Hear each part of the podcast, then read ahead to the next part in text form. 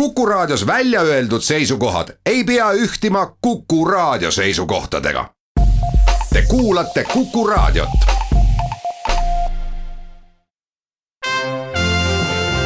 Tallinna Filharmoonia esitleb Filharmooniline huvitaja. tere päevast, head kuulajad! alanud on Filharmooniline huvitaja ja tõesti suur rõõm on öelda täna tere, hinnatud ja armastatud helilooja ja inimene, kelle kohta ei ole palju öelda, legend. Rene Eespere, tere tulemast! tervist, no legend ma nüüd küll ei ole, kas te tõesti ei tunne seda? ei tunne ju absoluutselt, miks ma peaks tundma, mis legend ma nüüd ikka väga ikka olen, täiesti esi, esialgu veel elus, elus, elus helilooja, pärast kunagi võib-olla on legend, aga praegu küll mitte. aga seda armastust ometi tunnete, et te olete kirjutanud enda muusikaga ennast meie rahva südamesse, need on suured sõnad, aga mulle tundub, et see tõesti on nii. mis seal salata, äh, seda antakse mulle tunda küll, jah kuidas teil praegu läheb, millega te tegelete? tavalise eluga, mis koosneb siis noh, kuidas ütelda, tööst, äh, elust äh, pere keskel, puhkamisest, nii et kõigest sellest. lõpetasin just praegu selle nii-öelda suurema töö Tallinna Filharmooniale, nüüd on väike paus, aga samal ajal tuleb tegeleda nii, nii trükiste ettevalmistusega kui plaadi väljatoomisega, nii et, et erinevat tegevust on see teos, millest me täna räägime, on siis kirjutatud äh, Tallinna Filharmoonia tellimusena tõesti ja see on sarjast Noorte Filharmoonia. kui tihti te üldse teete tellimustöid ja mis peavad olema need tingimused, et te võtate vastu mõne töö, mida teilt tellitakse? peab ütlema niimoodi, et, et äh, üheksakümmend üheksa protsenti kirjutatud muusikast ongi tellimustööd. nii et võib-olla üks protsent on, on, on seda, mis on päris ütleme vabal tahtel kirjutatud ja viimane säärane ühe protsendi sisse mahtuv asi on et ma kirjutasin oma heale sõbrale Esteban Colucci'le, see on, tema on Argentiina kitarrist, kes just praegu on välja toomas minu autoriplaati. ja temale ma kirjutasin tänuks sellest neli miniatüüri, nii et see on mitte tellimustöö, see oli temale üllatuseks. ülejäänud on tõepoolest kõik tellimustööd. aga see konkreetne nüüd, mis Tallinna Filharmoonia tellis, noortele on see teos, kas seal on ka vahet, et kirjutada just väga konkreetselt noortele midagi, mõtlete te kuidagi teistmoodi, oleks see seeniorite filharmoonia, oleks muusika täiesti teine või? Ei oleks, oleks täpselt samamoodi. Ja ega tegelikult see lugugi, mis on kirjutatud, ega see ei ole mõeldud, eh, see on ikka nagu mina ütleksin niimoodi, et see on mõistujutt või noh, muinasjutuks seda päris nimetada ei saa, aga see on just mõistulugu täiskasvanutele, nii et, et tegelikult see on mõeldud gümnaasiumi osale, nii et noh, et nemad on ju praktiliselt ju täisinimesed, nii et, et, et, et minul ei ole küll mingit vahet. see on siis Hermann Hesse jutustuse järgi Augustus, see on lugu armastusest, sellest võib-olla, mis on tähtsam, kas armastada ise või olla armastatud? no vot, see ongi see kultuuriinimesel on see tihti, tihti see dilemma võibki olla, tead, et noh, et, et kumb see nüüd on, tead, eks ju, nagu te ütlesidki, et alustasite seda, noh, et, et mingi legendi jutuga ja see, et, et, et nagu, et noh, et, et mind nagu rahvas armastab või niimoodi, noh, et, et, et see armastus peab olema vastastikune tervikuna, nii et, et juhul, kui see ühepoolseks jääb, siis on õnnetus kaelas miks te just selle jutustuse valisite äh,? raske öelda selles mõttes, et ju selles oli, oli mingisugune säärane eluline ja õpetlik iva, mis võib-olla tänapäeval väga tihti ennast nagu ilmutab ja, ja kuskilt otsast see ongi nagu, seda lugedes mul tekkis säärane tunne, et, et ma tahtsin sellest isegi alguses ooperit nagu teha. see oli üks kümmekond aastat tagasi, ma selle, selle jutustuse täiesti juhuslikult leidsin maal raamaturiiuleid äh, nii-öelda üle vaadates leidsin, see oli vist Loomingu raamatukogus ilmunud jutustuste sari ja lugesin need jutud läbi ja vot see Augustus, see jäi kohe kuidagi silma ja, ja kuidagi südamesse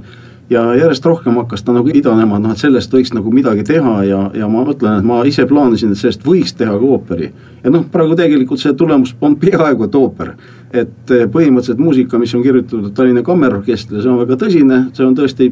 põhimõtteliselt see võiks olla sarnane, nimetame seda sümfooniliseks muusikaks. algselt eh, oli planeeritud minul vähemalt niimoodi, et, et, et kogu see, kogu see lugu, seda räägib jutustaja et seal ei ole üldse ühtegi laulu ega midagi aga Risto Joosti soovitusel, et, et ikka noh, seal ikka peab olema ka mingit vokaali säärast, ütleme ja, ja, ja niimoodi. ja tõepoolest, nüüd on selles loos on ka kolm laulu lisaks sellele jutule ja üritame ka natukene teatraliseerida seda, nii et näebki nagu säärane noh, kuidas ütelda. kontsertetendus. ta on kontsertetendus ja noh, loomulikult ma ütlen, et, et, et kuna see oli see Noortefilharmoonia sari et siis ta oli mõeldud tõepoolest, et selle etendusega hakatakse käima ka koolides. esimene säärane eh, kontsertide sari koolides on planeeritud praegu jaanuari, nii et eh, see on neli etendust on jaanuaris, kuidas läheb edasi, ma sain vähemalt niimoodi aru, et et seda vähemalt programmis kavatsetakse hoida kaks aastat kui läheb hästi, eks ju, mine sa tea, kuhu see, mis sellest võib saada või ei tea niimoodi, aga, aga üldiselt oli plaan säärane, jah. kes esinevad? esinejate koosseis pidi olema suhteliselt selles mõttes nagu tagasihoidlik, see sõltub eelarvest, eks ju niimoodi, nii et, et põhimõtteliselt on lisaks sellele Tallinna Kammerorkestrile ja dirigendile loomulikult on, on äh, kaks solisti, see on siis jutustaja, kelle esituses kuuleme ka kahte laulu, osatäitjaks on praegu Priit Volmer ta peab ka nii-öelda, kuidas ütelda, evimaga siis näitleja omadusi ja, ja, ja noh, teatrikogemusega, nii nagu ta on, ta on väga palju erinevaid rolle teinud, nii et, et ma arvan, et see, et see osa sobib talle suurepäraselt. Ja teine on äh, nii-öelda tundmatu naise rollis astub üles Aureli Eespere, see on minu tütar ja tema on praegu siis äh, Eesti äh, Muusika- ja Teatriakadeemia magistriõppe teisel aastal ooperilaulu osakonnas ja tema, tema õppejõuks on, on, on magistratuuris äh, Juhan Tralla. Olete proove teinud? ei ole veel, me saame praegu selle tegijatega kokku nüüd äh, paari päeva pärast. Ja me kõigepealt äh, arutame läbi selles mõttes või tähendab, mina tahan läbi arutada vot needsamad kerged lavastuslikud elemendid, et milliseid esemeid me kasutame seal, kuidas need paigutada et millised on need sümbolid, et noh, et, et kuidas saaks, saaks nagu publik paremini aru, et millise tegelasega on tegemist, sest et vahepeal, eh, vahepeal rollid vahetuvad, sest ka dirigent tegelikult astub aktiivsesse sõnalisse rolli, nii et Andres Kaljuste dirigendina, noh, tema on ka heade näitleja omadustega juba geenide poolest, nii et see dialoog rikastab, rikastab seda õhtut eh, seda muusikalist poolt lihtsalt ka, ka sõnalise poole ja, ja vaatemängulise eh, elemendiga. Ja, ja see kontrast selle nii-öelda noore kauni naisega, et noh, et, et, et see oli samamoodi, see oli Risto Joosti soov, et et kui on laval ainult mehed, et seda on nagu vähe, et orkester peab kindlasti osalema ja orkestril on antud ka lisaks sellele nii-öelda mängimise funktsioonile ka aktiivne eh, tegevuslik eh, osa nii-öelda selles, selles loos nii et eh, ma ütlen, me peame suhteliselt nappide vahenditega andma päris palju asju edasi, nii et erinevaid asju, nii et kas see aeg praegu on raske, et teil on teos valmis, aga ei ole veel proovid alanud? et kas see on selline kripeldusaeg natuke või olete ärev või, või milline see vahepealne aeg on, kui teos pole veel lavale jõudnud, aga teie poolt on ta justkui lõpetatud? kõlab võib-olla väga, väga häbematult, kui öeldakse, et ma olen vana kala, et mind need asjad selles mõttes enam väga kripeldama ei pane, et kui lugu on selles mõttes tehtud ja ja kui sa tead, kes on osatäitjad ja, ja sa tead, et, et, et see ei ole nende jaoks üldse probleem, et nad teevad seda väga hästi, siis mu süda on väga rahulik praegu. Teie koostöö Tallinna Kammerorkestriga ulatub juba pika aja taha. kuidas teile tundub, milline see kooslus on? mul on tõesti Tallinna Kammerorkestriga väga, väga pikaajalised kontaktid olnud, ma isegi ei mäleta enam, kuhu aega see täpselt ulatub, aga nad on mänginud tõesti väga palju minu kammersümfoonilisi teoseid küll instrumentaalkontserte, küll, küll säraseid orkestrile kirjutatud äh, lühemaid ja pikemaid lugusid, nad on mänginud ka päris lihtsaid lugusid teinekord nii, et et äh, väga, väga erinevat repertuaari ja algusest peale, esimesest kontaktist alates on see kontakt mind alati väga, väga õnnelikuks ja rõõmsaks teinud, sest et noh, et, et, et kammerorkester on ju väike kollektiiv ja üldiselt seal mängivad ju väga head mängijad, väga head pillimehed. ja kui juhtub ka dirigent äh, asja väga tõsiselt võtma ja minu õnneks on kõik dirigendid alati väga tõsiselt nagu suhtunud sellesse programmi, mida nad teinud on ja, ja, ja see tulemus on, on alati olnud väga nauditav. Lisaks sellele, et mul on näiteks ka Eh, eraldi nende, mõne muusikuga sealt kammerorkestrist väga head suhted, näiteks kontsertmeistri Harri Traksmanniga me oleme teinud ka, salvestanud väga, väga palju kammermuusikat, ma pean teda väga heaks viiuldajaks ja ta näiteks sellesama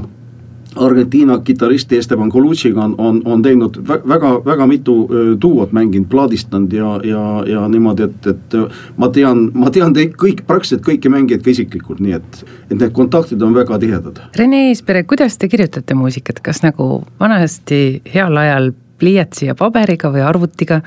mina väga-väga, väga vanamoeline, ma olen, ma olen tehnika vallas väga saamatu ja, ja, ja võhik nii et eh, minu töövahenditeks on tõepoolest noodipaber, eh, pliiats ja kustukumm, nii et ja mis seal salata, mul on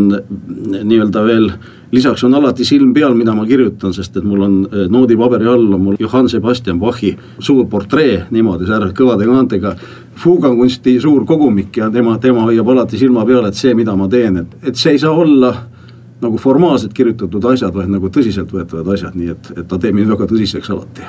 See teos nüüd Augustus on noorte Filharmoonia sarjast ja, ja kui te mõtleksite, siis mis oleks praegu oluline öelda noortele või mis oleks see, mida te tahaksite noortele südamele panna? ma arvan, et ega ma otseselt ei taha neile midagi südamele panna, sest asi on selles, et, et ma, nüüd ma saan aru, et, et ma olin ise alles, olin ka noor, eks ju, kuigi, kuigi aastad on nüüd kogunenud äkki nagu väga palju ja hirmutavalt palju, aga, aga see kõik on väga värskelt meeles ja, ja ma arvan, et, et noored kujunevad päris loogilist teed mööda. noored on, on selles mõttes, et nooruses ollakse alati suurte illusioonidega ja ja suurte soovide ja ootustega ja see peabki niimoodi olema, eks ju, ja, ja ma arvan, et et kõik need ülemäärased asjad, mis praegu meile tunduvad, et noh, et, et, et need on, ma arvan, et ajapikku kõik need, kõik need tasapisi nagu jäävad tahaplaanile ja ma arvan, et ega see maailm nii hukka ka nüüd ei lähe, et, et noh, et, et aga selge on see, et, et vanema inimese pilguga ütleme, noorus on alati rahutu olnud, eks ju, ja et noh, et, et ma mõtlen veel kord, et küllap see rahutust aastatega ära kaob. aga millistele noortele Eesti muusikutele te pöialt hoiate vaikselt või nende loomingul silma peal hoiate? väga, väga paljudele, näiteks ma ütlen, viimati oligi kuu aega tagasi ma just salvestasin duot Esteban Colucci'ga ja Marcel Johannes Kitsega nii et tema just ju saavutas pärast seda, ta oli eh, eh, kuu aega hiljem osales ta ju ju, ju Bukarestis eh, väga olulisel ja väga, väga tõsisel rahvusvahelisel interpreetide konkursil ja ta saavutas ju, ju fantastilise esikoha seal. Nii et ja, ja täpselt samamoodi samal lindistusvoorul me lindistasime ka ühe minu trio Significatio kus oli lisaks Marcellile oli, oli veel tema õde äh, viiuliga osaline, nii et, et äh, eks ma ikka hoian silma peal ja, ja mis seal salata, ma ju töötan töötan eh, Muusikaakadeemias ja, ja, ja need noored, noored interpreedid on selles mõttes ju mu igapäevased külalised, võib öelda, selles majas, nii et, et ma suhtlen nendega väga tõsiselt. ja muidugi läbi Muusikaakadeemia eriti tõsiselt noorte lauljatega, sest et eh, alates sellest, kui ma eh, asusin tööle Muusikaakadeemias ja see oli juba aastal tuhat üheksasada seitsekümmend üheksa, ma olen pidevalt töötanud noorte lauljatega, olles nende juhendajaks eh, muusikuse kuulmise arendamisel, ehk ma olen nende solfeedžiõpetaja olnud väga pikka aega, nii et ma võiks öelda ka näiteks Priit Volmer ja Rene Soom näiteks olid minu käe all sellel ajal, nii et, et, et need kontaktid Priidu ja, ja Renega olid tegelikult juba, juba